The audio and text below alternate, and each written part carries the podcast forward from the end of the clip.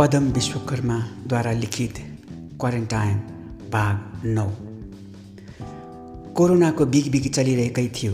विश्वका विभिन्न मुलुकहरूले आफ्ना हवाई मार्ग जलमार्ग स्थलमार्ग र सीमामा बन्देज लगाउन थाले।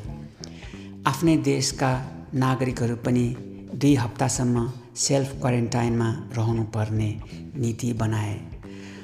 अमेरिकाको मात्रै कुरा गर्दा Colorado California Florida Illinois Indiana Kentucky Maryland New Jersey New York Washington लगायतका थुप्रै राज्यले स्टेट अफ इमर्जेन्सी घोषणा गरे।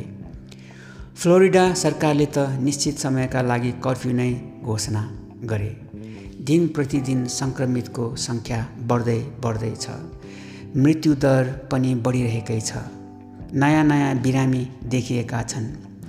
क्यालिफोर्निया लगायत कैयन राज्य सरकार लकडाउन गर्नेतर्फ केन्द्रित भए।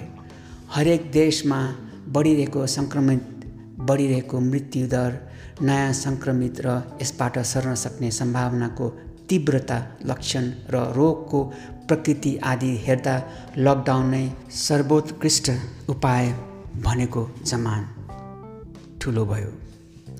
अमेरिका युरोपियन राष्ट्र लगायत थुप्रै देशले आफ्नो आन्तरिक र बाह्य उडान तथा अन्य यातायात ठप्प पारेका छन्। स्कुल कलेज होटल रेस्टुरेन्ट शैक्षिक संस्थाहरू अनिश्चित कालका लागि बन्द गरेका छन्। सडकमा गाडी छैनन् आकाशमा जहाज उडिरहेका छैनन् जमिन मुनि गुड्ने रेल रोकिएका छन्। जति पनि कामहरू छन् ठप्प छन्। सेवा सुविधा र सरकारी कामकाज रोकिएको छन्। पसलमा मान्छे छैनन् भवनहरू खाली छन् तर अस्पताल भने भरि पराउ छन्। रोगीहरूको चाप बढ्दो छ आम मानिस आतङ्कित छन्। जतासुकै कोरोनाकै चर्चा चलिरहेको छ मातृभूमि पनि यसबाट अछुतो रहन सकेन। हरेक देश लडाइँमा उत्रिए झैँ सुरक्षा कवच अपनाएका छन्। विभिन्न योजना बनाएका छन् विभिन्न क्षेत्रका जानकारीहरूसँग छलफल गरिरहेका छन् स्वास्थ्य कर्मीसँग परामर्श गरिरहेका छन् स्वास्थ्य सम्बन्धी नीति निर्माण गरिरहेका छन्। आम जनतालाई कोरोना भाइरसको आक्रमणबाट कसरी बचाउने भन्दै त्यसमा केन्द्रित कार्यक्रमहरू घोषणा गरिरहेका छन्। प्रत्येक दिन सरकार प्रमुखको मन्तव्य प्रसारण भइरहेको छ। राष्ट्रपतिले वक्तव्य दिइरहेका छन्। राष्ट्राध्यक्ष मन्त्रीहरू सबै चिन्तित छन्। लाग्छ यस प्राण घातक महामारीबाट बच्न सम्पूर्ण विश्व नै सङ्घर्ष गरिरहेको छ। युद्ध मोर्चामा खटिएको सैनिक युद्धबाट बाँच्न चाहे जस्तै। सामुदायिक कार्यक्रम भेटघाटका गतिविधिमा रोक लगाएको छ। खेलहरू क्लब र बारहरू massage centre salon gym centre मनोरञ्जन केन्द्र कन्सर्ट तथा युनिभर्सल स्टुडियोहरू सबै बन्द गर्न आह्वान गरिएका छन्। चिडियाखाना बन्द गरेकाले त्यहाँका जानवरहरू न्यास्रो मानिरहेका छन्। चिडियाखानाको शून्यता उनीहरूलाई खल्लो लागिरहेको छ। जङ्गलमै बसे जस्तै लाग्न थालेको छ उनीहरूलाई पनि। दर्शक बिनाको सुनसान चिडियाखाना। भेगस भेगस जस्तो छैन। न्युयोर्कको वर्ल्ड ट्रेड सेन्टर मानिसको चहल पहल बिना उभिएको छ।